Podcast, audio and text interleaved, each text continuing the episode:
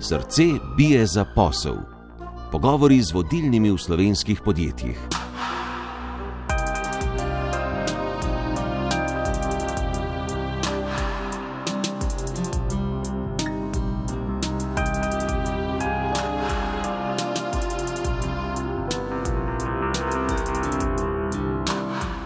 Z vami sva Urška Jereb in Maja Derčar. Gost druge epizode je dr. Mark Pleško iz podjetja Cozy Lab.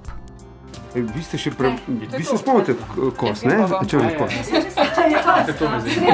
Cepljenje, ne, cepljenje. Ne, je, ne, jaz sem bil takrat zdrav, ne, 71, 72, takrat, ko je bila, da, 71, ne, ko je bila Jugoslavija izbruh črni kos.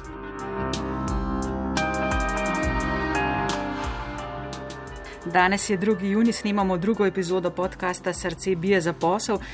Gospod Pleško, včeraj ste eh, dejali, da ste se cepili za AstraZeneca, s cepivom se počutite dobro. Ja, ja, super, top.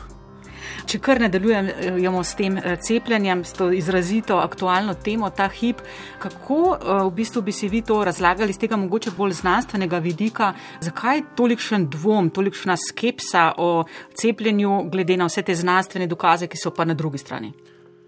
Jaz mislim, da je to podobno, kot je bilo takrat, ko se je upeljeval varnostni pas v avto. Vem, če se spomnite, eh, včasih so bili varnostni pasovi, sploh jih ni bilo, pol so imeli samo dragi avto, varnostne pasove, ne? potem so bili, ampak so bili v opcionalni, ne, ali si jih imel ali jih nisi nosil. In, in takrat se prav spomnim, ki je bila debata, ja, zanj se pa un za leto po tovornjak, pa če ne bi bil za pet, bi pa ven padel, pa bi ven prišel, tako ga je pa zmečkal. Ne. In ja, recimo, ne, 5% vseh nesreč je takih, kjer boš, da nimaš pasu, 95% je pa takih, da boš, da imaš pas. Ne.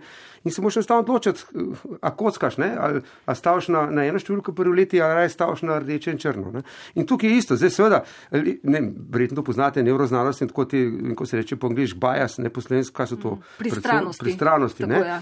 Ne, in ljudje pa smo taki, ne? naši možgani niso narejeni. Mi gre, evolucija ni ustvarila človeških možganov zato, da bi racionalno in logično razmišljali. Ne? Tudi ne zato, da bi objektivno spoznali svet, ampak zato, da bi čim bolj preživeli. In zato je racionalno samo nek opcionalni ekstra, ki smo ga slučajno odkrili ljudje ne? in ga včasih, ampak bolj poredko uporabljamo. Ne? In tudi bolj naporno. Skratka, mi vse delamo na osnovi nekih čustev, pa hitrih reakcij. Ne? To so tisti, uno, uh, lizard, brem po angliška, pa sistem 1, sistem 2. To mogoče za kakšen drug podcast, tema, skratka, ljudje imamo te pristranskosti ne? in seveda, če slišimo, da se je nekomu nekaj zgodil, potem rečemo, aha, to je pa nevarno. Ne?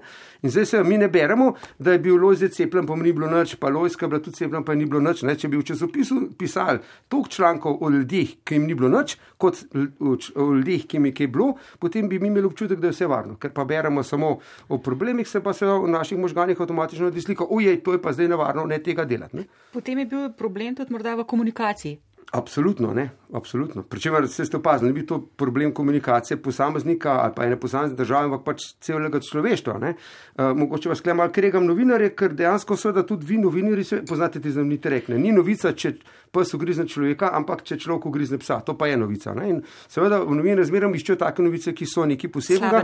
In se potem, a pa tudi dobre magare, ampak nekaj posebnega, kar je nepričakovano, zato da se to bere in seveda ljudje si potem na osnovi tega ustvarjamo nek, neko sliko, ne? ki ni objektivna. Tukaj imate z različnih strok ljudje zelo različna gledanja. Recimo, ne, pravnik Andraš Tešek pa pravi, da recimo, ima vlada velik problem, ker se noče pogovarjati o tem, ker pravi samo, da cepivo kot je AstraZeneca in ostala vektorska cepiva so učinkovita, ljudi pa skrbi, ali so varna, ali so varna to. Ali bi morali drugače komunicirati na tem področju? Definitivno, definitivno je komunikacija alfa in omega celotnega človeškega bivanja na tem svetu. Ne? Mislim, ženo se dobro razumemo, zato ker komuniciramo. Če, če bi slabo komunicirali, bi se pa skregali. Kaj, ne? in sosedom isto. In se na nivoju večja, ker je družba, bolj kompleksnejša, ker je družba, bolj je pomembno komuniciranje. Se, no, to je pa naloga politike. Ne? Jaz se strinjam, da definitivno je treba ljudi pridobiti na svojo stran. Ne? Sto let nazaj se je lahko tako komunicirali, da so bili ljudje kaznovani, če niso boga.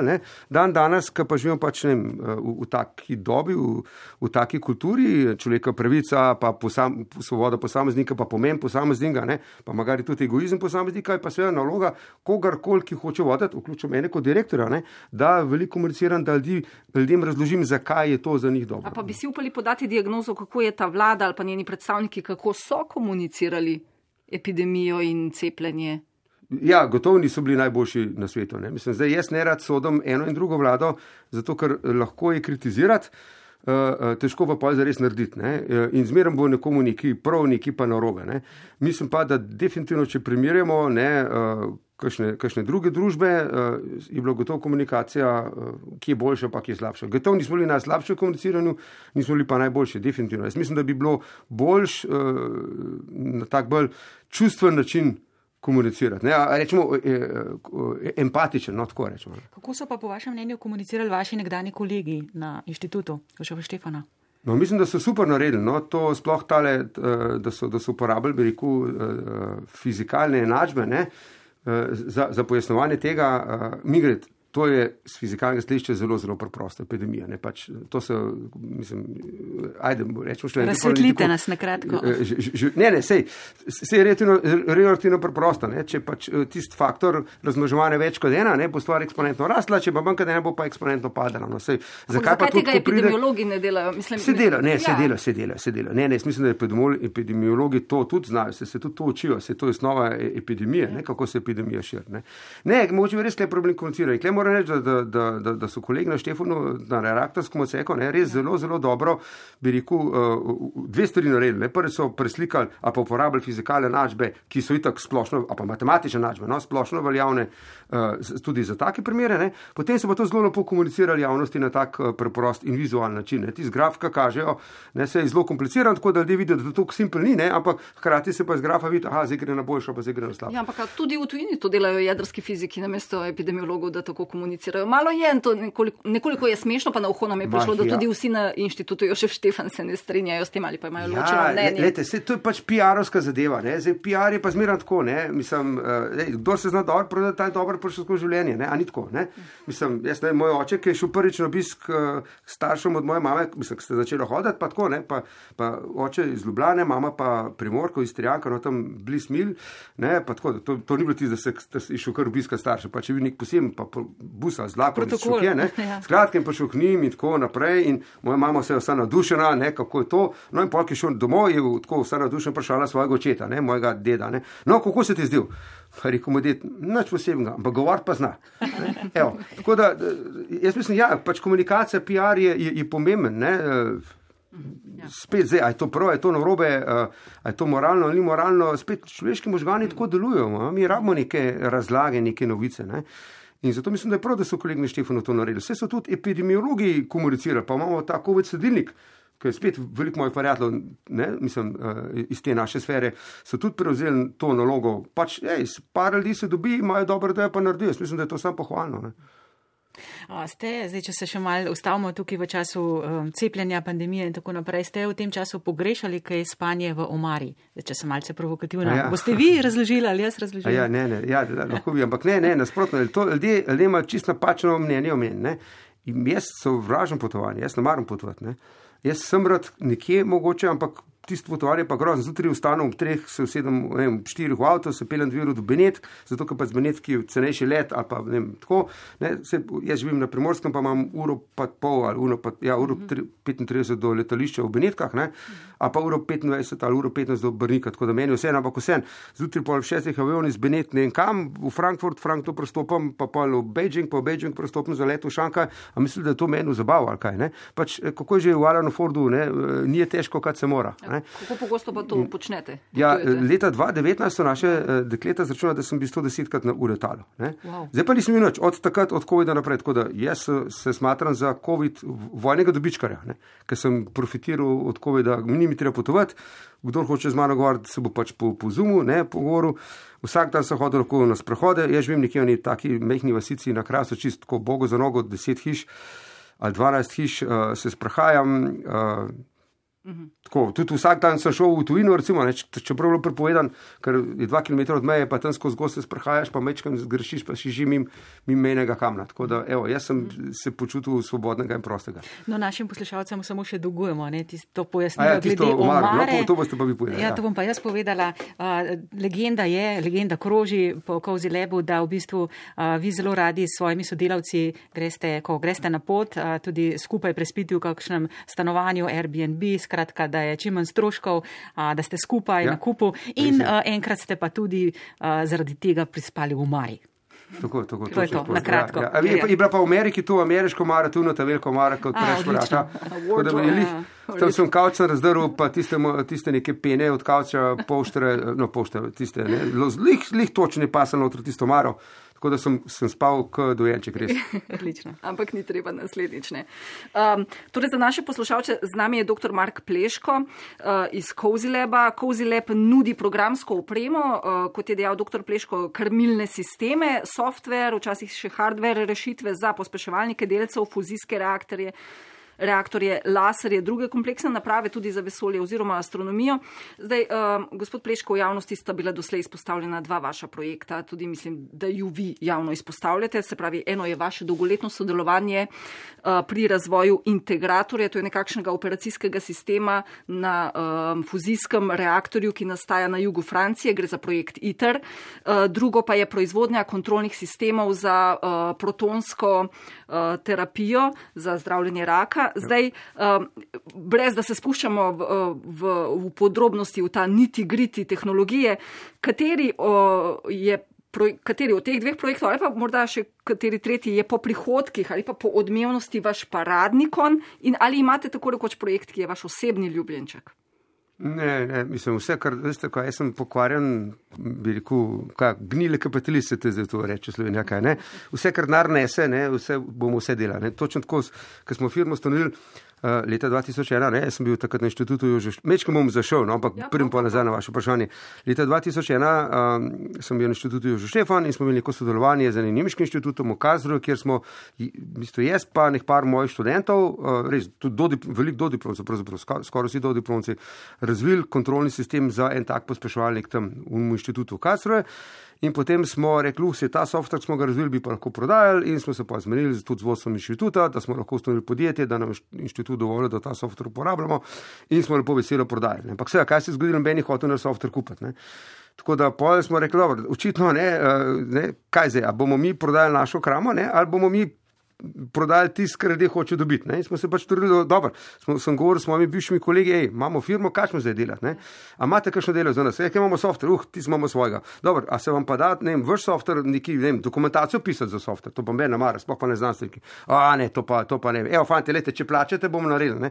Tako da pol bi se šala, ne? da pač mi, mi smo tako, ne? mi smo še slabši od mafije, mafije ubija za denar, ne? mi pa celo dokumentacijo pišemo, kar pa res ne noče delati. Ne? Tako da v bistvu čist nizko gremo, samo za denar, evo, karkoli. Ampak to je točno to, ne, pač, eh, to je princip, eh, bi rekel, biznisa kaj trgovanja. Ne, pač najdeš nekaj, kar ljudi zanima in ti izdelaš. Ne, in s tem, ko ti dajo denar, ti ljudje dejansko dajo priznanje, da so zadovoljni s tem, kar delaš. Ne. Mi, mi delamo to napako, da oskrat, ko mislimo, da denar rabimo za to, da mi živimo. Ne. To je res, seveda. Ne.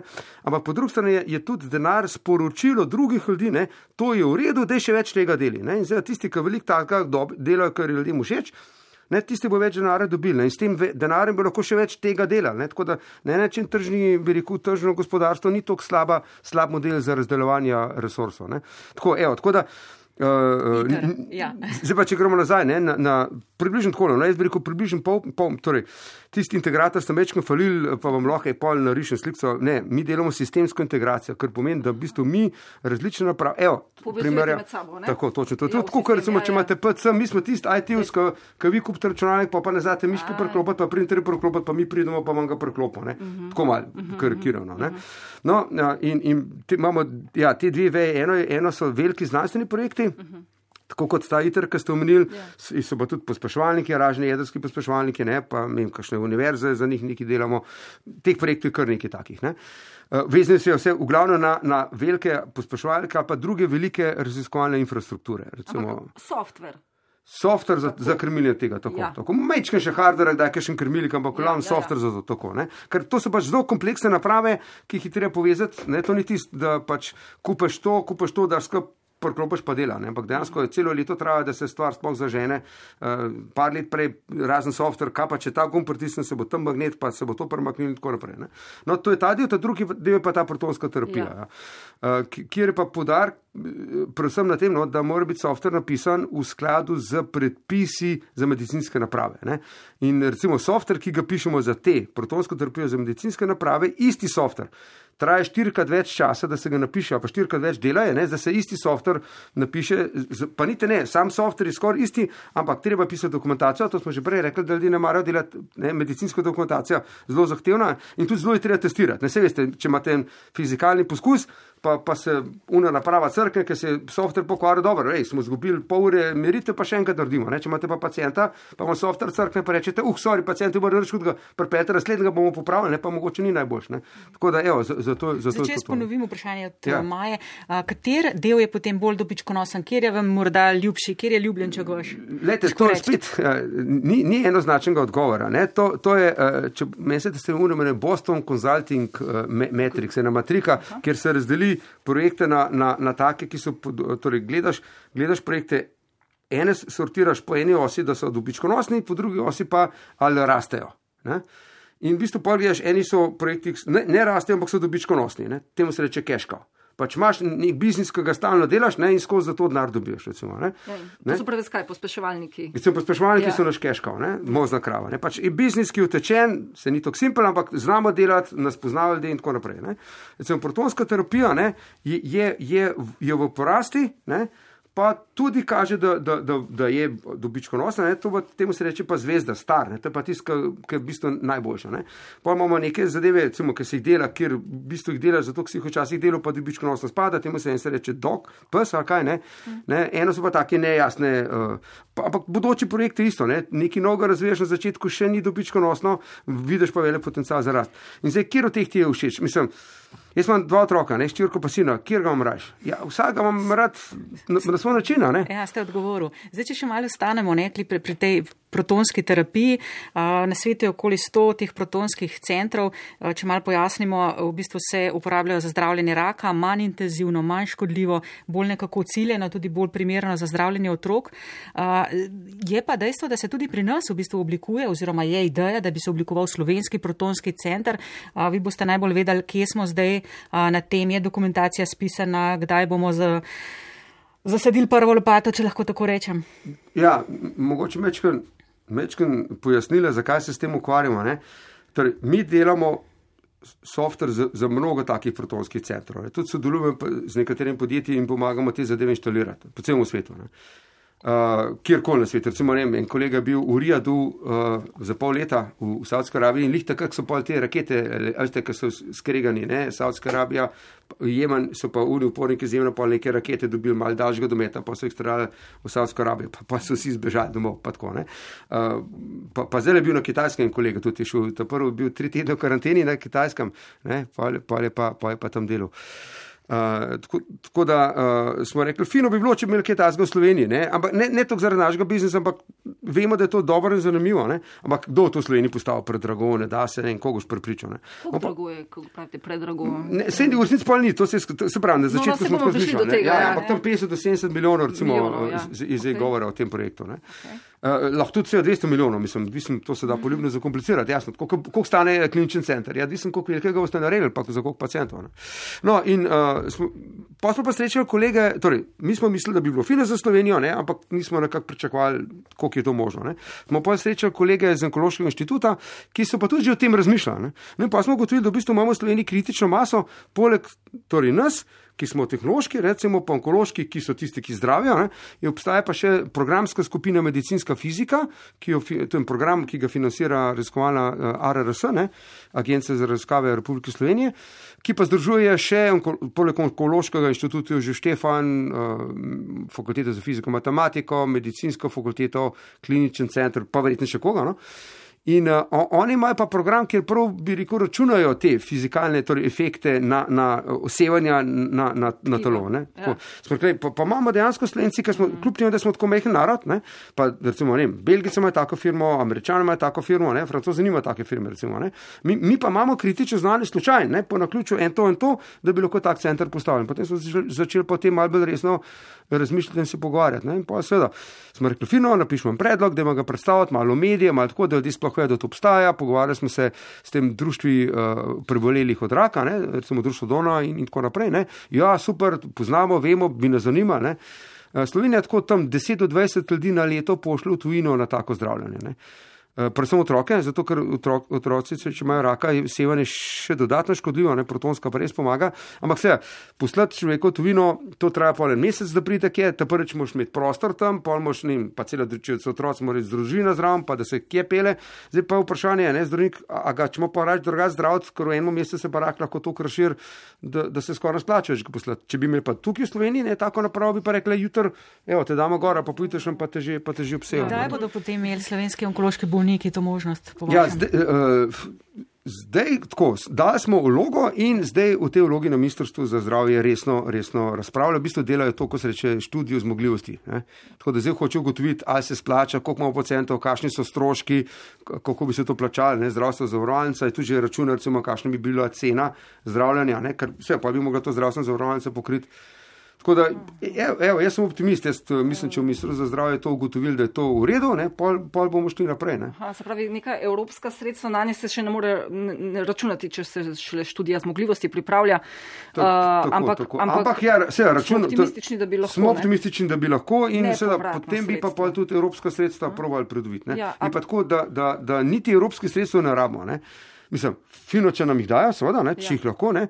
ampak eh, so, vse so različne možnosti financiranja, ne. sej niso samo evropska sredstva. Ne. Ja, dobro, ampak pa so dolžniški kapital. Tako, tako, tako. tako, tako, tako. Uh, pravite, 50 do 70 milijonov bi stala recimo taka naprava, ali pa 200 milijonov, razlike so velike. Ja. Da, imate prav na Cozy Labu pripravljene ideje, rešitve za pocenitev te tehnologije oziroma njene to uporabe? Imamo, to imamo, ampak ne za to slovensko. Ne? Aha, aha. Namreč, zdaj, eno treba ločiti razvoj, eno treba poročati uporabo na pacijentov. Vse veste, zdravniki so po naravi konzervativni ljudje ne? in kadar greš k zdravniku, vam to prav pride. Ne? Ne? Ni fino, če rečeš, zdravnik, veste, sej vidim, nekaj imaš nerobe stava, klemam eno tableto, se torej točno kako deluje, ampak da vas prvo pa bo pa videla, ne? mogoče bo delovati. Tako da, tako da seveda to, kar hočemo v Sloveniji postaviti, je neka preverjena tehnologija, preverjena zadeva. Ne, ki, na svetu recimo, so tam tri, štiri uh, dobavitelji, ki že, so jih že nekaj takih, velik takih prodali ne, in od teh bi, bi kupili. Recimo, Seveda, hkrati pa kozel razvija novo tehnologijo, ki bo mogoče delovala čez 4-5 let, pa mogoče bo prišla v klinično uporabo pol čez 10 let. Recimo, Tam pa je cilj dejansko ta, ne, naša vizija je pravzaprav to, da pocenimo protonsko terapijo do te mere, ne, da postane tudi cenovno dostopna, eh, pa konkurenčna radioterapija, te klasične terapije. Ne. In hkrati, da s pomočjo, torej v bistvu dve stvari sta. Ne. Eno je, da uporabimo tehnologijo za to, da dejansko protonska terapija, da, da, da naprave dosegajo fizikalne meje, ki jih protonska terapija obljublja. Ker v tem trenutku je spet isto, ne, da tako, kot zmeram. Ne, uh, mi bi lahko še hitreje potovali, pa še manj izpustov bi lahko imeli, ne? ampak je treba ta prvo to tehnologijo razviti in jo obvladati. In klej so pri protonski terapiji, ki je relativno nova, še, so še rezerve. In, in na tem delamo, ne? s pomočjo softvera, s pomočjo kakšnih novih tehnologij, da bi, da bi recimo taka naprava, da bi bila recimo ciljna cena. Evo, to, to sem se z enimi Kitajci pogovarjal, rekli, evo, če bi ta stvar stala 15 milijonov, ne? potem bi pa to vsi hoteli imeti. Ne? Zdaj, evo, bomo prišli do kje. No, mi gre, ta cena, ki se reko 50 do 70 milijonov, vključuje tudi izgradno stavbo Staube Ker to je tudi, seveda, je treba zgraditi, je treba ne, debele zidove, zaščite pred severjem, pa močne temelje, da se ne premika in tako naprej. Ne. Recimo za zdravljenje okrog 500 bolnikov na leto, ne? Nič tako, več. Tako, tako, tako. Okay. E, če gledate radioterapijo, ne, to mm, konvencionalno ja. je pa tako, tam pa tudi stane, stane, če naredite nov bunker, se temu reče, ne, ker je pač tak, tak prostor za zaščito pred severjem, pa tudi par milijonov stane izgradna, pa, pa še naprava pa, par milijonov, tako da to se tudi lahko hitro rečemo na ne, 8 do 10 milijonov. Tako da če bi tam ta naprava 15 milijonov, bi bilo po mojem pa že kar, kar urejeno.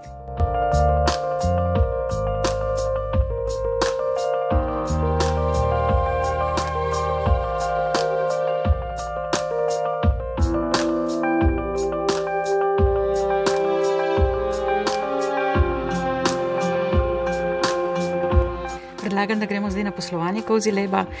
Kot smo gledali številke, rastete organsko, ja. pa razmeroma hitro v zadnjih letih, 20 eh, odstotna, nekaj več kot 20 ja. odstotna rast vsako leto. Kaj to pravzaprav terja od vas, od sodelavcev?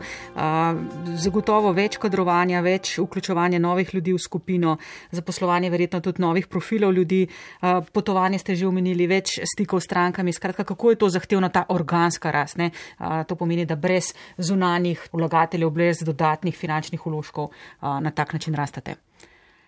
Mislim, kaj zahteva delo ali kaj ne. ja, ampak kaj z ljudmi, ker vse čas jih zaposlujete, pa nove profile zaposlujete. Ja, ja. S čim se najbolj ukvarjate? No, no, lejte, 20% je to lih neka taka maksimalno zdržna rast, verjeten, uh, za meni se to zdi. Ne? Uh, recimo, to se morate tako predstavljati. Ne? Mi imamo pet ljudi v eni ekipi in zdaj še enega dodatnega človeka damo v ekipo. Ne? In to, to je ta še, to je tisti 20%, ne? od 5 na 6. Ne? Ne, recimo tako. Delate v takih ekipah. Koliko ljudi imate? ne, zdaj, zdaj to?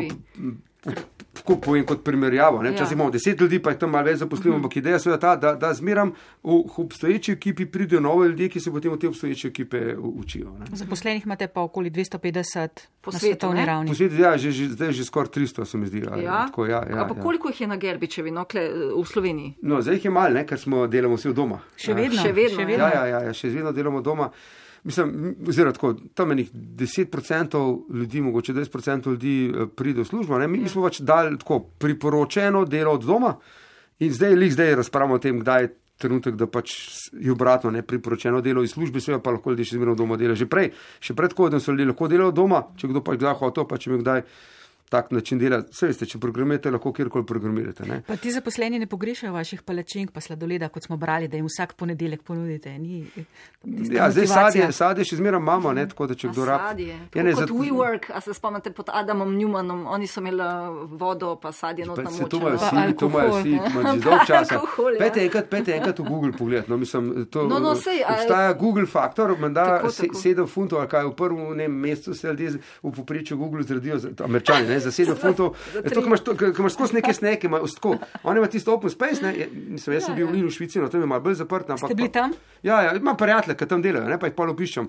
Uh, in no, v Ameriki prav tako bilo, ko so bili, je bil tak velik open space ne, in tako, tako vsakih 100 metrov je bil en unč, tako una kofi, uh, mislim, ena kuhinca mehna, ne, Ja, ja, ja. ki smo imeli pač kavo, pa frižider, pa sneke, ma, ma res vse tako, mislim, lobi skozi hodek, ki je pa gritsko, ne, No, pa, pa misli, Na kozi lepo najbrž nimate tega. ne, tega nimamo, ne, ampak imamo pa sadje, ampak sadje imamo že dolgo časa, to imamo mi pomaga. To je super v primerjavi z javnim sektorjem, ki smo danes tukaj ne, na radiju. Ja, zelo dobro, ja. Dobro, mislim, vi imate pač tisti, uh, ko se reče, taxpayers money, ne, mislim, uh, Zagotovo. zdaj, če dam jaz en evro, hoče vedeti, kaj bom jaz kot državljan za ta evro dubu, ne, ne pa da se vi Je mastite na Pleškom. mojega evra. Absolutno, absolutno. Zato imamo vodo. Tako, tako, tako, tako. Uh, zdaj, če še malce pri teh uh, številkah vzpostanemo uh, poslovnih. Uh, Na leto 17 mijo prihodkov 100 tisoč evrov dodane vrednosti na zaposlenega, plače pa niti niso tako visoke. Zdaj tukaj smo prebrali 3200 evrov bruto, v poprečju seveda. A so, aha. Kot plača. Ampak Kot potem so plača, najbrž, a so nagrade ali niso nagrade? So Imate bonusi, bonuse? imate variabilo. Ne, ne, mi imamo variabilo, mi imamo variabilo. Zdaj, zdaj, tako,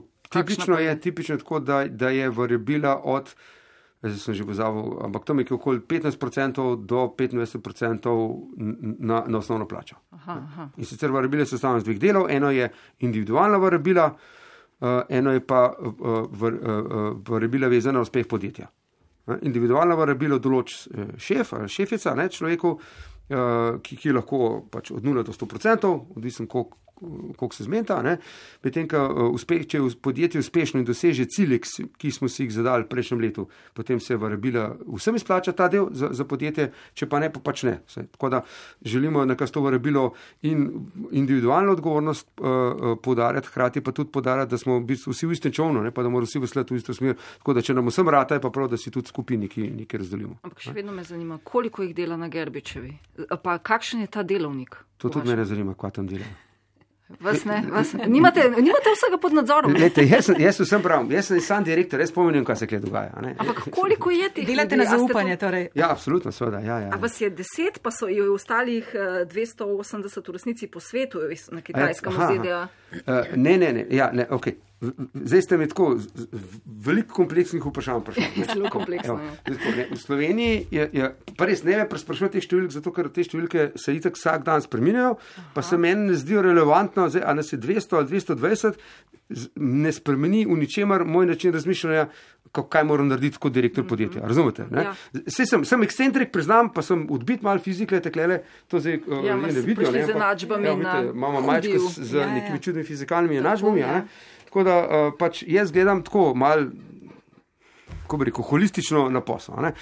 Uh, in tiste, tiste podatke, ki so relevantne, se jih zapomnim, tiste, ki pa se meni niso relevantne, pa, pa ne da niso pomembne, ampak za mene niso relevantne, imam pa sodelavce, ki ste za to skrbijo in jim 100% zaupam in sem jih hvaležen, da jih imam. In mogoče še nazaj sem prej pozabil, pa nisem dol izpostavil, ko ste vprašali, 20% organska rast, a je to težko? Zelo težko je in imam srečo, da imam take sodelavce, ki se s tem ukvarjajo. Za mene kot direktora ni tako težko. Jaz pač dam cilj, da imamo 20% rast, ne, viva Tito, pa, pa gremo pa gas, ne, pa bomo nove projekte dobivali, pa tako naprej, pa ljudi motiviram, da delajo, ampak da morajo pa oni, ne, oni morajo pa, pa lopate vzeti, pa kopati, pa tisto avtocesto zgraditi, ali kako že tako v starih časih.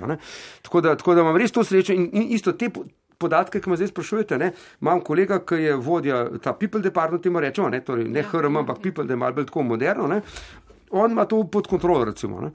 Tako da, ampak zdaj, evo, približno.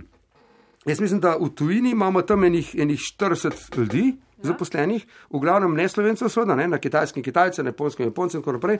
Radi bi dosegli to, da bi bila vsaka, mi imamo, mislim, jih 9 ali 10, uh, uh, evo, vidite, še te številke ne vem čisto točno, firm po svetu bi mogel malo šteti, kje je kaj.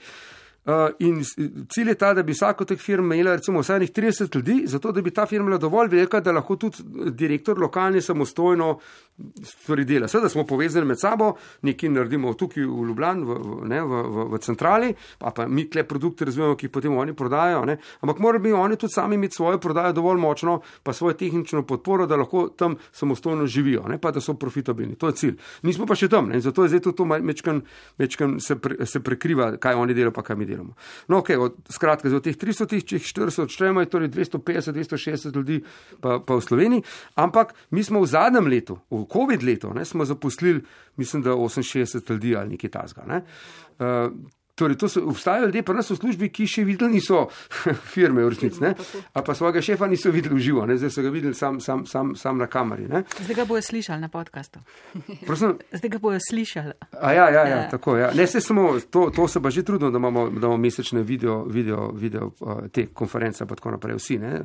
Uh, no, uh, in se, zdaj, ko bodo te ljudi vsi nazaj prišli, bomo imeli pa težave, to pa priznam, ne, bo, bo pa mečkim prostora zmanjkvali. In že iščemo, v bistvu smo že najdli nek, nek nov prostor v bližini, tako da so malo širili. Bi si pa zelo želeli, no, da bi ta kampus imeli, ne? čez nekaj časa mogoče bomo imeli svoj kampus, tako da bomo lahko pol, eh, če bomo še uspešni, ne? lahko pa tudi, da bomo propadali čez dve let, pa se ne boste vsi držali, bo se No. kaj ta pleško, kleh, prišlo na radio, pa se pametnega dela, jo prome, zdaj No, pa po propadlo, ne. številkah, no, ki smo jih prej omenili, ste uspešni in tudi se zdite taka nekakšna, če lahko rečem, tarča prevzema, taka potencijalna, ali se motam? Za koga? Za vašo konkurenco? Ja, zdaj, uh, jaz tako, no, mene malo skrbi to, da, da sebe preveč cenimo. ne, Torej, če nam kdo ponudi nek denar za našo firmo, ne, pa rečemo, da torej smo tako zihar vredni, ne, ok, torej, da še biti malo več vredni kot tok. Ne. Tako da, tako da zdaj prevzemna tarča, ampak moja logika je taka, ne, nikoli ne reče ne, ne, vsak človek ima svojo ceno. Ne. Ampak mislim, da ni naš namen ta, da bi. Uh, no, evo, zdaj pa daj povete. Recimo, jaz tako zelo prodam, pa zaslužimo nekaj hude minule, kam pa s tem denarjem pa naredil. Ja, ne, A sem, a sem pa z boljšim biciklom pripeljal k vam na, na no, radio? ne. Nove Vložili boste projekte, kot nove uh, projekte. naj prejšnji gost, uh, Aleš Štancar, boste angelski investitor, ne? Se verjetno ste že, no? Lahko kaj poveste o tem, ampak uh, uh, vložite ta denar in. Se sem ga že, jaz sem uložil ta denar v najboljšo možno firmo na svetu. V kozile. Je točno to. No, ampak če bi ga prodali. Ja. A, a, a, vas, Ka- kam- obi, a vas obiskujejo, pa va, nam, namigujejo. Ja, Uh, vsake to čase pride, Dr. kakšen ta pravi please. uh, Ja, ja. bolj ti investitorji pridejo. Ne? Torej, zdaj Ja. tako. To, kar mi delamo, je relativno kompleksno, je relativno oska niša in ni veliko neke hude konkurence. Uh, a, a pa eni konkurente, ne eni domeni, ne, recimo na protonski domeni bi nas mogoče kupili, ampak nas ne bi zaradi, zaradi une znanstvene domene, a pa obratno. Tako da, če bi hotel firmo prodati, bi se verjetno tako splačali, da bi razdelili na dve ločene enote in, in bi pol optimirali profit pa zgodbo. PR, sem že prej rekel, da vse, vse kako se človek proda. Ne. Uh, tako, da, tako da ni, da bi nas kdo konkretno, recimo, Štanec je čisto druga zgodba. Ne? Oni res delajo neko specifično stvar in, in uh, ne, tiste filtre, in, in je točno se ve, kaj delajo, točno se lahko zračuna poslovni model, in potem nekdo reče, uf, mi bi pa radi to dodali v naš portfelj. ne." Ja, Tako da tako- tako je on, oni imajo res masovni, mislim, masovni Ja. produkt, tak velik. To, kar mi delamo, je vsem butično. Ne? Tako da je to. Zelo nišno, Pridejo ja. pa te razni, ne se pravi, te prave teketi, ko se reče po slovenski, ne vem, Tako, te razne. zasebnega kapitala. Tako, ne, ki pravijo, ej, ej, mi bi pa vas investirali, ne, pa bi pa vi neki nekaj delali, pa bi pa mi zaslužili. Ja, fino, dobro, ampak zakaj bi vi zaslužili? Ne? No, sej, če se bomo hoteli širiti še bolj, imamo zdaj par takih idej, še bolj veliko poteznih, kjer, kjer bi pa mogoče res rabili večje sodelovanje ali pa poleg softvera še kaj drugega, potem bi pa se rabili nek kapital za to, da to zgodbo lahko speljemo. Sam, to zgodbo lahko speljemo sami, ne rabimo zdaj sebe prodati. Ne? Prav, prav. Ne, lahko pa spremete kakšen vložek. No. Ja, tako Ja, se ja, to se mi zdi bolj tako. logično. No, Ne, no, pa, lahko če pa v- rabiš kapital, ali si sposodaš na ali pa reče v redu, le toliko procentov firme damo za neko še večjo zgodbo. Ne. Lahko nam pa v tej novi zgodbi v enem stavku poveste. Zlati rudnik. Na zlatnem rudniku, zdaj moramo samo vprašanje, kje je začel kopati. Vi delate ful dober softver, ne? zdaj morate pa pogruntati, kje boste ta softver uporabljali v medicini. Ne? No, in zdaj, če bi mi ta softver, ki ga delamo, povezali z nekaterimi napravami, ne? recimo, da bi imeli neko zelo inteligentno napravo, ne bi samo softver prodal, ampak celotno napravo prodamo recimo ali bolnicam ali pa ne posameznikom za, za, za zdravje. Ne? V to smer zdaj razmišljam. Nim, nimamo pa še tako izdelan, da bi rekel tole pa tole.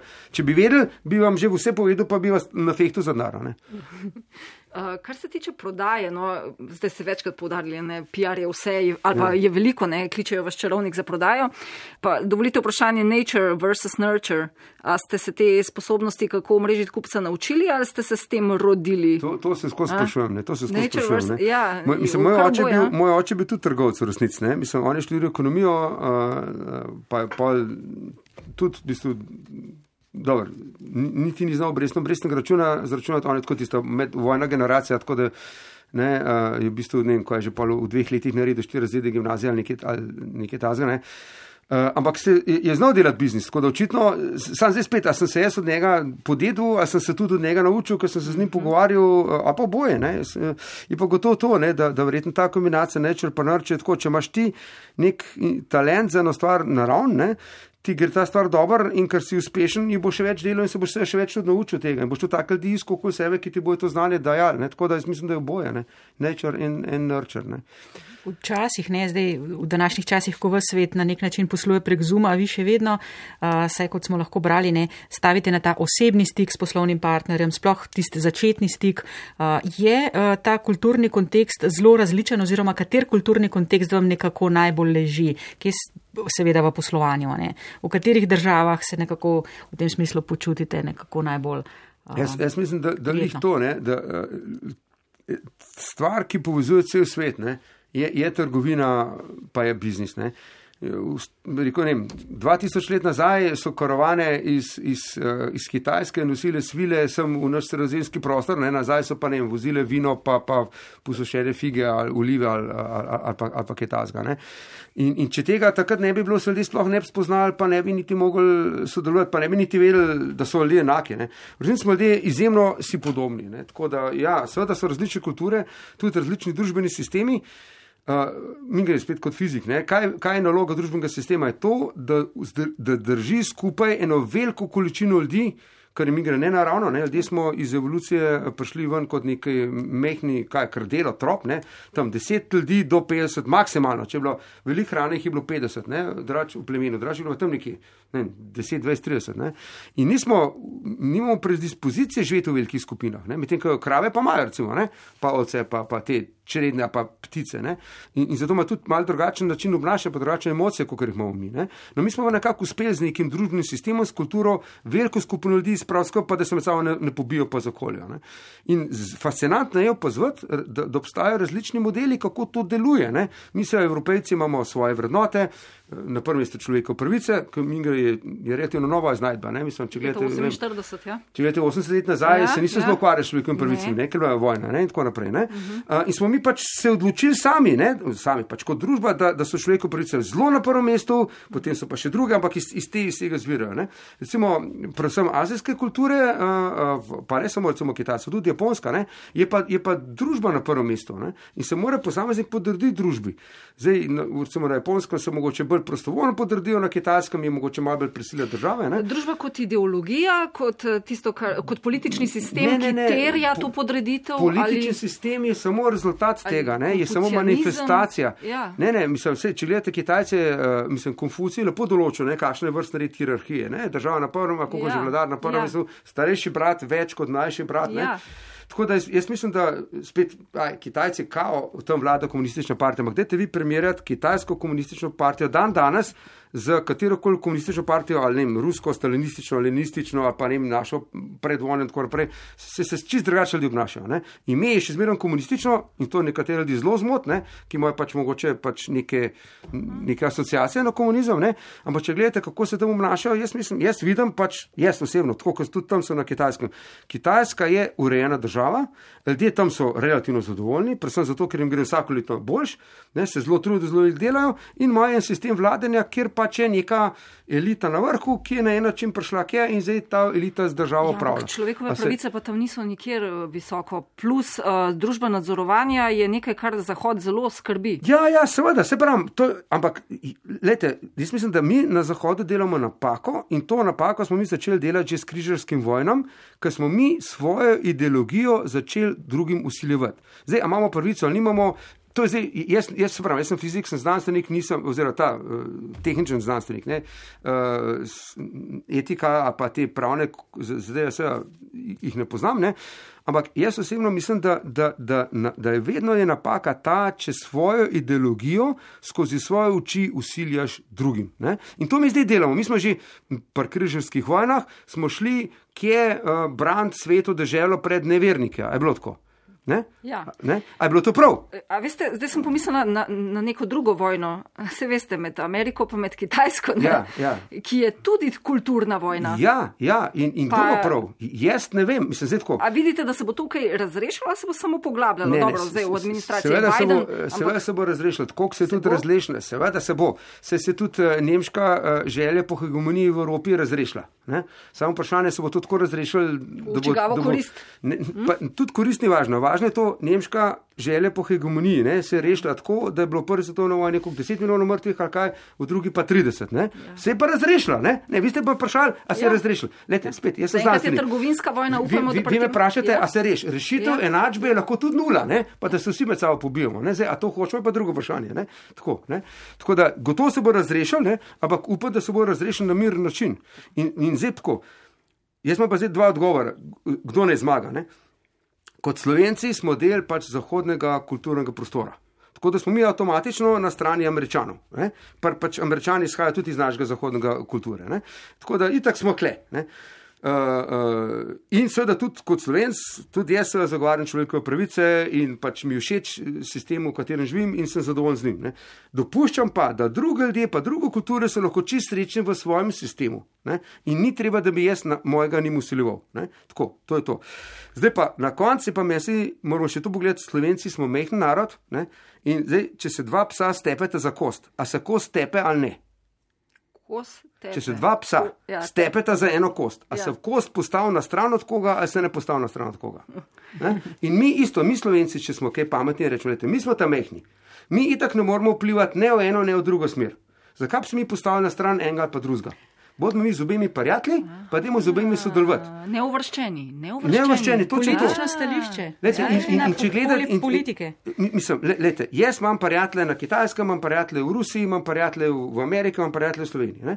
Zakaj ne bi mogli tu vsi prijatelji? Dobro, imamo različne sisteme, a pa ne, imam prijatelje, imam, prijatelje v Sloveniji na desni, pa imam prijatelje v Sloveniji na levi. Zakaj bi se mogli zdaj kregati okoli ene ideološkega koncepta? Uh -huh. Le, se gremo vsi lahko na pir, dobro, pa sej, na nogome igramo igro, ne? pa se tam stepemo na futbolu, ki pa tekme konc, gremo pa vsi na pir, pa se smejemo, kako je bilo hecno. In jaz mislim, da moramo tako in znotraj Slovenije tako delati, in znotraj celega sveta, sveta tako gledati. In jaz tudi mislim, da lažje nekoga prepričamo, če naš prijatelj, da imamo mi prav, kot če naš sovražnik. Tako da jaz osebno bi probil zmanjšati konflikt. Med Kitajci in med Američani. Uh, uh, to mi gre Nixon naredil. Nixon leta 72 je šel na Šel na Kitajsko in je Kitajsko. Kitajsko Ja. priznal. In so Kitajci veliko kapitalističnih konceptov pozirali do Američanov. Ne zato, ker so jih Američani jim grozili z bombom, ampak zato, ker so jih prepričali, da je to pametno. Zdaj, če Je- se, ja, če se ja. zdaj preselimo v Slovenijo s tem Ja. vašim uh, prepričanjem, s tem vašim stališčem, ne, uh, najni kolegi, ki pokrivajo politiko, v bistvu uh, pravijo, da naša politika postaja če dalje bolj brezsramno interesna. Skratka, da niso več tiste ideologije v spredju, Ja. ampak sami interesi. In tukaj je strinjam. ena primer, primerjava z gospodarstvom kot takim. Uh, zdaj, potem naslednje ja. vprašanje je seveda logično. Uh, zdaj se vi vidite morda tudi v politiki v tem smislu. Nikako, lete, sej, a ni, en star slovenski pregovor politika je k, ne, poznate tisti, ne? Tako da, Ja, ne bomo nadaljevali, eh, tako ja. da, Ja, eh, pa, ja. pa še nekaj, če želih klele, evo, za javnost povem, ne, če bi mi kdo ponudil kakšno politično funkcijo. Lejte, zdaj, tako, pa, z vsem spoštovanjem do vsem naših predsednikov in ministrov in tako naprej, ne? ampak v Beijingu je na ulicah, ki ima več prebivalcev, kot kar cela Slovenija. Ne? A bi vi hoteli biti tam predsednik te krajevne skupnosti v Beijingu? Mislim, mene zanima samo tri službe politične. Ne? Ali predsednik ZDA, ali predsednik komunistične partije, ali pa predsednik Rusije. ne. Ker pa imaš tisti jedrsko un, rdeč gum, pa imaš res oblast. ne. Ja. Vse ostalo, prosim, to je pa, mislim, kle neke, bi rekel, krevne zdrahe se gremo no, v Sloveniji. Se upravičujem, ampak Ja. uh, tako da, zakaj bi me zanimalo politika v Sloveniji? Ne? Zato, ker, predvsem, ker lahko v bistvu eh, spoznavate veliko več ljudi, imate veliko več širino, ki si jo pridobite, če niste politik. Ne? Tako, tako, Tako, gospodarsko. Se po celem svetu Um, gibljamo. ne. Beremo, da kot otroka vas je fasciniralo raziskovanje lune, vesolja, seveda fizike, to smo povedali, nevidnih delcev, zdaj vas menda eh, navdušujejo tudi kriptovalute. Eh, Ampak, ampak vprašanje pa je, da je to neka mešanica, ki vse mene spominja na malo na Ilona Maska, moram priznati. Čeprav on je uspešen še na enem drugem področju pri električnih avtomobilih Tesla. a Ne? Ja, še to mi manjka. ne. A vas privlači, a vas privlači ta njegova ekscentričnost? A je to, a, a, a sem potegnila pravo usporednico? Ja, absolutno, mislim, ne, Ja, da me no, pa povejte. eh, mislim, to- Priznajte, no. Ne, ne, ne, ne, da me privlači, jaz sem tudi tak ekscentrik, mislim, Ja, ja, ja, ja, drugačen ja, ja, ja. gon, ne, mislim, ampak ja, priznam, seveda sem ekscentrik, ne, sej, uh, to, če gledate moj LinkedIn profil, sem to napisal, tako da jaz tega ne skrivam. Zdaj, a je to prav, da sem ekscentrik ali pa ne, verjetno ni prav, ne, a sem neprilagojen, jaz sem neprilagojen, ne, kako že pel uh, uh, ne, ta pesem, čutim sem bil že kot otrok, ne. Ampak tak sem, zdaj, edin, kar mi ostane v življenju, je to, da iz tega naredim najboljš, kar lahko, ne, in da, namesto da bi mojo ekscentričnost uporabil za to, da delam konflikt v družbi, je raje uporabim za to, da pač moram nekaj nogo ustvariti, pa nekaj, nekaj nogo narediti, pa da dajem ideje, ki jih drugi nimajo. Ne. Zdaj, a je to dobro za mene? Mislim, gotovo se pa splača biti konformist, ne? Tako kot ekscentrik. Ker pa če si konformist, si veliko ovca med veliko množico. Ampak jaz pač nisem tak in pač ne morem biti. Ne? Zdaj, nima smisla, da sem ali ponosen, da sem ekscentrik, ali pa da mi je žal, da sem ekscentrik, ampak to pač vzamem kot neko naravno dejstvo. Čeprav zdaj ta ekscentričnost je vse splošna, ne? ta manija za kriptovalutami, ne? tako da ne bi mogla reči, da je to glih ekscentričnost, pa vendarle vas tudi navdušujejo kriptovalute, če smo prav. Mah, ne, prebrali. navdušuje, ne, ne, ampak se mi zdi zanimivo, ne, Nimate kriptodenarnice, ne trgujete zvečer vsak dan. Ne, ki pa nimam cajta, škoda cajta, zdaj, zdaj nasploh ne trgujem. Le, mislim, uh, veste kaj, meni se najbolj, ma ne morem koliko smilijo, ne, ampak ko pa jaz se zdi hecen, imate, imate ljudi, ki nekje ali v službi ali v poslu dobro zaslužijo, imajo pol velik denarja, ne, pomeni pa škoda, da ta denar propada in potem t- ali kupuje nepremičnine, pa oddajo nepremičnine, pa preprodajo nepremičnine, pa zidajo. Ali pa, vem, ali pa grejo na borzo, pa špekulirajo. Lejte, če si že veliko denarja zaslužil, zato da si pol bogat, ne pol to izkorišči, pa ne deli. Ne? Če pa se delaš, pa mislim, a vi se poznate ti svicu dunga italijanskega ribiča, napolitanskega, poznate ti Zdaj le ga bova slišali. No, a vam ga povem, dobro, se velja tudi za slovenskega. Skratka, bom zelo na kratko. Tam v Napolju, to je sto let nazaj, pride en angliški turist, eh, ki je in vidi enega ribiča, ki tam lepo leži eh, na sončku in pa pač palčko v vodi in čaka, da bo ribo griznila. ne. Pa ga pa ta angliš prepričuje, "Zak- zakaj pa ne bi ti eno večjo barko vzel, pa večji ujel. Uh, ja, kam pa od tega je, pa bi pa denar zaslužil s tem denarjem, bi kupil še večjo barko. Ne? No, in kam pa od tega, ja, na koncu bi pa, če mi je to gnara, da bi ti kupil barko, pa ne ljudi, da bi namesto tebe ribo lovil, pa tebi ne bi bilo treba. Bo prav, kaj pa zdaj delam? Ne? Ne? A Ne? Tako, da, tako da jaz mislim, da, da mene se zdi fast, torej, nasploh denar, a pa vrednost, ne? kako se abstrahira vrednost. To me fascinira. Mene ekonomija tudi fascinira, kot znanstvenika. Ne? Ne? V resnici je tako, denar, ne? zdaj vam lahko molim, jaz ne vem, 20 evrov bankovc pred nosom, ne? pa boste vi v tem videli eno vrednost. Ne? V resnici pa to je čisto navaden kos papirja, kot tale veš. Zakaj je ja. 20 evrov več vreden? Ne, ne vem, ste brali knjigo od Hararja, tam zelo lepo razlaga. Eh, Harari, ja. Tako, Ja. ne, recimo, ne. In je rekel, evo, ne, še Osama bin Laden, ki ne verjame v Ameriko, verjame v ameriški dolar. Ne, tako da očitno ima dolar večjo moč kot kjerkoli ideologija ali pa religija. Ne. In to me fascinira, ne, kako pripisati ene stvari vrednost, kako to vrednost posplošati. Ne. Na kaj jo pripet, Na kaj jo pripet, recimo, ne. in tako naprej. Na In seveda kriptovalute so standard, zanimiv model, ne, ker dejansko se čist drugače gleda na to. Ne. Mi grede, bistvo je to, ne, denar v resnici nima prave vrednosti. Ne. To mi, ki pač vsak dan hodimo v trgovino, pa jemo, pa si z denarjem dejansko fizične stvari kupimo, tega se ne čutimo. Ne? Ampak resnici, če lahko vem, Evropska banka vrže milijarde evrov not v trg, ali jih pa spet ven vzame, ali pa takrat, ko je bila 2008 kriza, ko je čez noč izpohtelo 30 trilijard ali kaj. Mislim, če denar izpuhti, pomeni, da, da, da je nula, ne? da ne obstaja, da že prej ni obstajal. Ne? No, ampak evo, to me zanima pri kriptovalutah. Ne? In ta blockchain? model, ka, pa hkrati s kriptovalutami seveda zanima tudi uh, potem temeljni, uh, temeljni uh, osnovni dohodek, ne? Ja. Uh, oziroma univerzalni temeljni dohodek, ne, ko se reče, uh, pa kako narediti družbo, ne, bogatstva, ne, kjer vsi ljudje smo bogati, hkrati smo pa še zmeraj motivirani, da delamo. Ker to je po mojem največji izziv sodobne družbe. A, Če gledamo, Zagovornik UTD-ja. Ste, mislim, imate. Uh, mislim, zagovornik. bi se podpisali pod kakšno specifično idejo UTD-ja ali imate svojo idejo? Tako, zdaj, nimam dobre ideje. Ne? Mislim pa, mislim pa tako, da uh, tako, vsak človek ima pravico, da živi dostojansko življenje. Vse to Ja. ja. mislim, v ustavi piše, pa če ne na tak način, pa malo drugačen način. Ne? Ne? Zdaj pa seveda, hkrati ne. Je pa tudi prav, da tisti, ki so pridni pa delovni, da so bolj nagrajeni od tistih, ki so leni. Ne? In to sta dva koncepta, ki sta pa nasprotujoča. Tako, meritokracija in Tako, ne? Ne? E, ne? In, in mogoče tudi ta razlika med poštenostjo in pravičnostjo. Mi zelo radi mešamo besedo poštenost in pravičnost.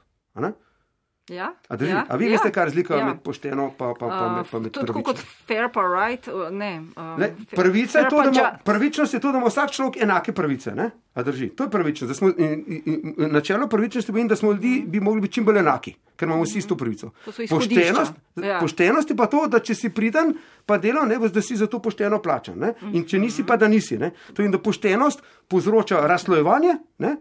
pravičnost pa zahteva pa izenačevanje. In zdaj moramo najti razmere med tema dvema. Zdaj spet, to je spet tisto. Ker jaz spet, ko me srce boli, ne? kako se levica pa desnica krega. Ne?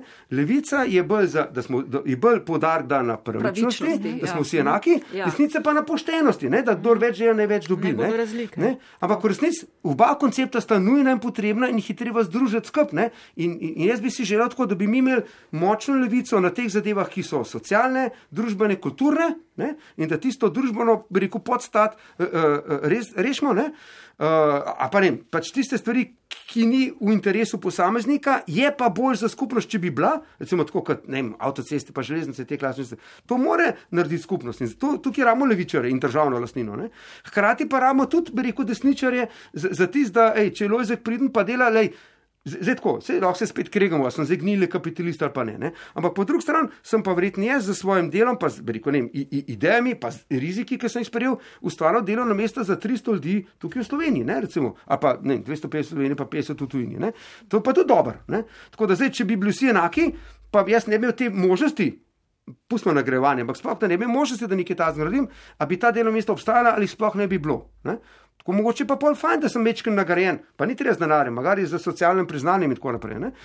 Evo, in tle najdete pravo razmerje. Ne? In to, ki po mojem delamo največjo napako, zato ker se levica in desnica ne pogovarjata sploh o teh fundamentalnih konceptih, ampak se drug drugemu očitate, ja, vi bi pa hoteli vse podržati, zato da bi pol vaši prijatelji imeli. Ni res, levica hoče podržati, ker pač verjame, da je to tako prav.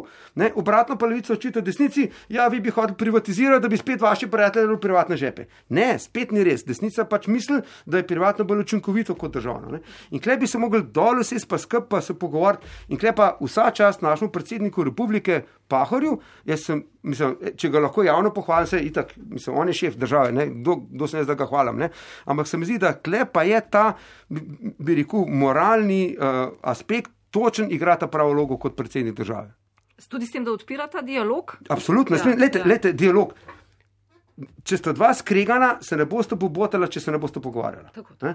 A- a- Razen če bo šlo na tisto, ej, d- samo če sovražnik umre, je, je konc S tega. tem ne. ustrajanjem pri dialogu. Ampak jaz mislim, mora biti dialog. Jaz mislim, da, da to, da predsednik povabil vse stranke k dialogu ne, in da so iz tega naredili spet političen problem, se mi zdi škoda. No. Ne, jaz bi rekel, dajmo se pogovarjati, dajmo si priznati, da smo različni. Ne učitati. Spet jaz sem rekel, jaz sem ekscentrik. A je to učitek? Pač tak sem. Zdaj pa dajmo pogledati, kaj se da z mano vse narediti. Ne, se moji starši so se morali z mano ukvarjati, pa ne, ali mi je bilo prav ali mi pa ni bilo prav. Evo, zdaj sem malo preveč o politiki že povedal, pa je moral na kakšno drugo bolj zabavno temo. Gremo na zabavno temo. Uh, zakaj Cozy Lab? Zakaj to ime? Ja, zdaj tako. Uh, imam veliko razlag. Uh, uh, torej, ena je, bi rekel, una šaljiva razlaga, ne? ena je pa ta prava razlaga. Ne? Ta prava razlaga je ta, uh, da Uh, Ko smo firmo ustanavljali, to je leta 2001, ne, rekli, to je bil takrat, to je bil vrhunc tistega internet buma in smo rekli, mi se hočemo, da imamo ime firme, da ima domeno .com. Ne se veste, zdaj, dajmo si priznati, uh, no to pa tudi ena taka tema, ne, ki je moja priljubljena tema, ne, brand slovenski. Ne. Kakšen brand ima Slovenija? I feel Slovenija, mislite? I feel? Ne, kjerkoli, ne Slovenijo kot država. Greš v tujino, pa rečeš, jaz sem pa iz Slovenije. Kaj bo ljudje rekli o vas? Nič. Kaj so vam mislili o vas? ne? Pa, pa, pa, pa je pa tam en, en, en SP švicarski. Ko fuša, liht, ko fuša švicarski SP, kot naš SP, Ja. pa da gor ti zbel križ na rdečem zadju, gor, ne, Made in Switzerland. Ja. Mi bi mogli imeti- mi bi mogli imeti brand Made in Slovenija, vsaj tako, mislim, primerljiv s temi brendi. Ja. Se, se spomnite, ko smo ustanavljali eh, državo, smo rekli, mi pa Švica, mm, eh, Balkana, Švica tega dela sveta. Ne? Pa še tam nismo več tako. Ne? Ampak eh, eh, ta, ta brand. eh, To, to, Skratka, brand Cozy. Evo, brand. Mi- In, in smo rekli, kako ćemo mi ta imeti močen brand, če bomo pika, si bomo spet tam neki levaki, uh, dajmo pika kom. Ne? In to je bilo pa takrat, ko so bile pa vse dotcom domene zasedene. Jaz sem šel prav gledat vse številke. Od 0.com, 1.com, 2.com do 9999.com so bile vse zasedene. Ne? Pa čakaj so ljudje vse .com stvari zasedli, zato da so jih lahko prodajali. Ne? In pa se rekel, okay, zdaj pa dajmo najti eno tako ime, ki, ki ima nek smisel, hkrati pa dotcom domena še prosta. Ne? No, in uh, mi smo delali kontrolne sisteme, CO, ne, še moj oče nekje dal idejo, kosis, kosi, neki uh, CO, kontrol, sistem. Ne, in, in, pol, in pol smo rekli, aha, ko, in sem imel nek sto imen, ki sem jih sprobal, pol na internetu, je še prosto ali ni prosto domena. Ne, in smo imeli idejo za Kozi Corp, ne, Control System Corporation. Ne, in pika kom je bila še prosta. Ne. Pa sem še bil takrat na eno službeno pot v Švico, na en inštitut in uh, to je bil, se pravi, 3. oktober 2001, to pa zato, ker bi takrat to najbolj vroč dan v oktobru v zgodovini Švice in bil res lep topo dan, sem je pure za prestopati iz vlaka na avtobus do inštituta in sem tam sedel in sonček je svetil, tako da sem gledal in nekako tako sem imel pol inspiracijo, ma kozi lep, ne, mi delamo z laboratoriji, kozi korp je tudi tako korporativno ime, ne, se Ja, sliši ja, ja. agresivno, ne, spet gnili kapitalisti in tako naprej. Ne. In uh, naše stranke bojo pa inštituti, laboratoriji, pa dajmo mi, mi kozi lepne. In pa sem kar živčen bil in sem hiter šel na bus in ko sem prišel na inštitut, ta prva stvar je, sem šel na internet pogledat, če je kozi lep še zasedeno. frejne. Ja. In je bilo, in sem takoj poslal mail kolegom, hej, dej hiter rezerviri domeno, kozi. Ne, evo, in tako je pol, pol je to ime Zanimiva bilo. Ne.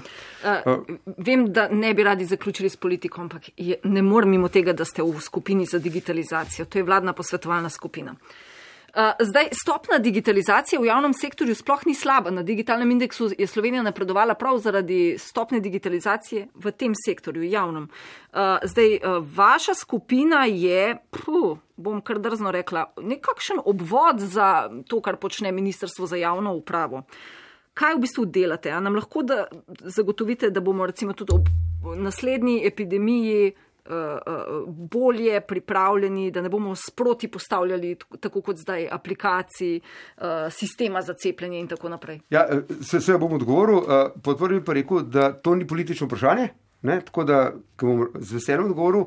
In tudi jaz ne smatram te, tega sveta kot neko politično strukturo. Če gledate, kdo je se noter, so ljudje, ki, torej ljudi, ki jih jaz poznam že dolg časa, nekatere, nekatere ne.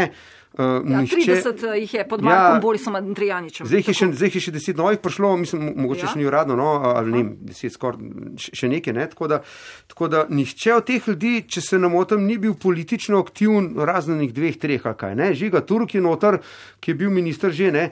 Pa pa on gospod, kaj že on Pavlišič, ki je bil enkrat poslanec Marko od Viranca, ne? ja, ja, pa mu je pa že konc, ne? če se ne motim. Noben ni bil tako iz, iz politike. Ne? Seveda, ve se, eni so ma- malo bolj aktivni na levi, eni so Tako, malo bolj to- aktivni to na desni, ne? ampak so, ja. so, so z vseh, z vseh palet. Ne? So pa predvsem ljudje, no, ki se ukvarjajo z digitalizacijo tako ali pa drugače. Ne? In tudi uh, jaz sem vodja ene delovne skupine, uh, ne vem, Mark Boris me je dal zato, ker je rekel, ker sem, sem diktator, kaj da bom dobro vodil tisto skupino, oziroma prosvetljene absolutisti, je rekel, no, ampak jaz to bolj jemno kot diktatorsko, je treba pač v eni uri se vse zmeniti. ne. No, in uh, na teh razpravah ni, ni nobene politične debate. Ne. Dejansko so ljudje, ki razmišljajo, uh, zdaj, zakaj bi mogel iti k notarju, če bi pa lahko jaz uh, preko interneta se recimo, uh, pu- ne, notar, jaz moram k notarju, pa vseeno pokazati, pa podpisati, pa mi on uvoril podpis. Ne. A ne bi to lahko naredil tako, da se ga jaz pač pokličem, pa on na kameri pogleda, pa preveri, a sem jaz, res jaz. Pa, skratka, take ideje dajo, ne, čist, čist praktičen, pa pragmatičen. Ne. In v tem, v tem se veliko debatira. Sej, to je tudi samo nadaljevanje tega, obstaja neka digitalna koalicija, zato ste verjetno že slišali, Ja, ja, ta že nekaj pet let obstaja. je. Ja, ne, to, to ima ne. Igor Zorko. Ne? Tako, on je Ja. tudi član, ne, recimo tega On je sveta. ne. član, Tako, ja, ne, tako da, je. in tudi uh, smo se, se pogovarjali, da tisto, kar je digitalna koalicija že naredila, priporočil pa predlogov, ja. da se pri, gre tudi zraven v, v, v, te Aha, poročila, in ki jih mi delamo. Nekje ne. poleti boste potem te predloge razkrili, verjamem. Tako, tako. Eh. Počasih bomo, počasih bomo dejali. Ne? In, in to, skratka, ni to uvoz nikogar, ne? to je skupina ljudi, ki se ukvarja z digitalizacijo že nekaj let. Jaz sem moj prvi mail poslal leta 81, recimo. Ne? In, uh, in pač imamo neke ideje in izkušnje, in bomo dali priporočila. Ne? In jih bomo seveda dali Ministrstvu za javno pravo, saj so oni tisti, ki bodo to uveljavljali. Tako da, tako da ni, nikakor ni ne uvoz, ne nič, tudi upam, da ne bo nekih hudih konfliktov. Seveda imamo par predlogov, ki se nam zdijo pomembne, ki imajo pa neko konotacijo. Ne? Recimo, dajte znižati davke za visoke tehnološke podjetja ali pa davčne stimulacije, zato da tu je strokovnjake pripeljejo v Slovenijo, pa se pa lahko regamo. Ne? Socialna kapica, ja, ne, ali ne, a, a, a bi to, a bi drugače, a je to tako, je to tako. Ne? Uh, lahko pa tudi v svojem mnenju so socialne kapice, čeprav je to rekel Zelo aktualno politično vroče, vprašanje. ali- Ja, ali- dajte. Ja, na 6000 ali na 4600 Ja. evrih. bruto. Tako, tako. No, lete, zdaj tako. Uh, imate dva pogleda. Ne? En pogled, je, en pogled je, da gledamo današnji trenutek ne? in da gledamo, da se nič ne spremenja. En pogled je pa nek razvojni pogled, ki rečemo. Ne? Tako, zdaj pa, če gledamo današnji pogled. V dan danes ima da 10 tisoč ljudi. Plačuje, eh, imajo višjo bruto plačo kot 6 tisoč evrov. Tako, ne? 10.500 Ali 11 ljudi. tisoč. Evo, Ja, vi ja, ste, ja. no, vidite, to so več številke, ki meni ni važno, jih je 10 ali Ja, 20. no, Skratka, ja. nekaj tasga. Ne? Tako. Zdaj, če bomo mi postavili socialno kapico, potem bodo te ljudje plačevali manj davkov. In zdaj bi rekel, en, en, 170 milijonov manj. tako, zdaj pa en dober biznismen bo rekel, ne, če vi meni itak že plačujete, ne, zakaj bi jaz znižal ceno? Ne, če, recimo, če ste vi prijavljeni, eh, če vi plačujete RTV naročnino itak, ne, zakaj bi jo zdaj znižal, če itak že vem, da vi že plačujete. Ne? In isto je tukaj, te ljudje plačujejo davke, da jim jih lupa do konca, ne, mislim, če, če so itak že plačujejo. Ne? Torej, če, če zaradi teh ljudi znižamo davke, je brez veze, ne? ker smo sam njim zmanjšali nekaj, kar itak so že plačevali in verjamemo, da bo še naprej plačevali, ker nima druge izbire. Vprašanje kapice je v tem, ali s tem, ko mi to kapico postavimo, prvabimo ne, še dodatnih 10 tisoč ljudi, da si bojo izplačevali više plače, recimo, ker se bojo lahko, potem bomo pa vsota obeh, ne, po pa bomo imeli pa 20 tisoč ljudi in bo neto efekt davkov seveda boljši, kot je zdaj. Ne. Spet nisem zračunal. Ne. Pa, pa ne samo 10 tisoč slovencev, ampak da bomo od teh, recimo, mogoče spet ne, dobili še par tisoč tujcev, ki bojo prišli. Ne. Zdaj pa tako.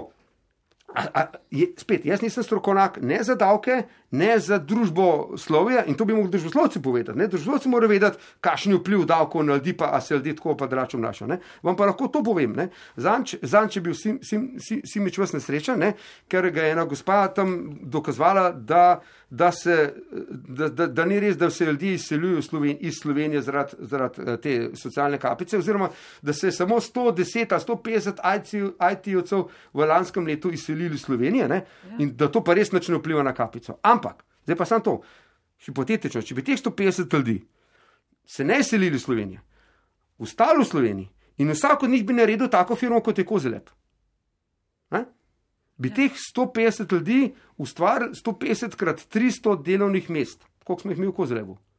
Zdaj pa, ko so šli pa ven, če bojo ustvarjali delovno mesto, jih bojo kje ustvarjali V tujini. v tujini. Ne? No in to je zdaj vprašanje. Jaz ne znam, jaz ne vem odgovora na to. Jaz ne rečem, da je to tako, pa da to tako bi bilo. Ampak mislim, da mi moramo tako razmišljati, ne? kako narediti. Ja, ne čeprav- samo to, da ja. teh par ljudi, pa teh par uh, bogatunov, whatever, kako jim rečejo. Ne? ne, ali mi lahko ljudi motiviramo, da ustvarijo tukaj bogatstvo za vse. Lete, krka.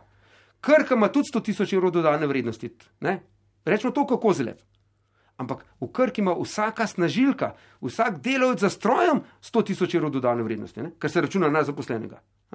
In mislim, zdaj tako, jaz priznam, mi imamo 100 tisoč evrov dodane vrednosti, ampak ko zelo ima take ljudi v službi, če bi te ljudje šli v Google službo, bi imeli dvakrat večjo plačo, kot njihova dodana vrednost v Sloveniji. Ne? Tako da mi nismo neki zvezde, da, da imamo 100 tisoč evrov dodane vrednosti. Krka pa zna jo ustvariti tudi za tiste ljudi, ki sicer niso to kvalificirani. In to bi mi morali v Sloveniji doseči. vi imate te ljudi bi- pred očmi, vi imate pred očmi ljudi, ki bi radi ustvarjali, ki so sposobni, ki imajo znanje, medtem ko levica bolj, ki zagovarja to, da se ohranja takšno stanje, ja. ki je pri plačilu davkov, tega nima pred očmi.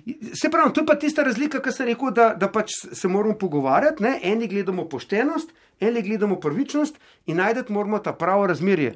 Meni je levica fascinantna stranka. Jaz, jaz bi se rad dobil z mestom pa malo debato udaril, pa njega razumel, ne, recimo, se ni. Jaz nisem desničar, jaz sem, tako, jaz sem bi rekel tako, kako je že tisti rekel eh, en tak znamenit pregovor, ki ga pripisuje Črčilu, čeprav me da še starejši. Ne? Kdo pri 20 letih ni socialist, ta nima srca. Kdo je pri 50 letih še zmeraj socialist, ta pa nima pameti. pameti. No, jaz bi rad združil srce pa pamet. O, a ste gledali, a ste gledali uh, Metropolis, znamenit film, nemški, te, uh, uh, od Lange. To, to pa, me, če ste na RTV, pa ga niste gledali, pa blamaže čisto. No, skratka, blamaže, ja. no, skratka na koncu tam je bilo isto, je bilo, treba, je bilo treba možgane pa srce združiti in pol bi problem rešen, nek tak science fiction zgodba in tako naprej. In mi moramo to doseči v Sloveniji. Srce, srce in pamet. In pamet in roke, ne, ki delajo da skupaj in najdete pravo razmerje. Tako da tisti, ki so sposobni, vlečejo voz naprej. In da oni, ki pa niso tako sposobni, da so na vozu, da ostanejo gora, ne, ne da se jih zapusti. Kako to doseči? To pa jaz ne znam, zato pa nisem šel v politiko, zato sem pa jaz preprost podjetnik, jaz znam svoj del narediti. Jaz znam zrihtati biznis ne, in znam tudi ljudi pripeljati, da ga dobijo. Ampak jaz to lahko naredim za 300 ljudi, zdaj pa ramo enega, ki za to naredi za 2 milijona. Evo, to je to. Srce in pamet, gospod Pleško, hvala za to misel. Preden povsem končamo, pa še tri vprašanja zastavljena enako vsem gostom podcasta Srce bije za posel. Prosim, če lahko odgovorite v eni povedi. Prvo vprašanje se glasi: Moja najboljša ideja je bila. Da sem prišel danes na, na, na radio. Hvala, veliko dušno od vas. Največjo srečo v življenju sem imel. Uh, ko sem dobil res ta pravo ženo, oziroma punco. No, to, to vam pa tako srečo v življenju, da je neverjetno. Tukaj bi se lahko še nadaljevali, pa bomo nadaljevali s tretjim vprašanjem. Če bi lahko sodeloval s komarkoli na svetu, bi izbral? Enega, moram izbrati, kaj. Uh, društvo G7. Ja, pravite, da ste zelo preprost človek, zelo preprost podjetnik. G7 je kar zajetna izbira. Najlepša hvala, dr. Mark Preško, nama Zurško je bilo res veselje. Hvala tudi vam, jaz upam, da, da, da, da, sem bil jih prav provokativni, da je bilo zabavno, ne pa to provokativno, da je bilo želivo. Pa hvala za izvrstno vprašanje. Hvala.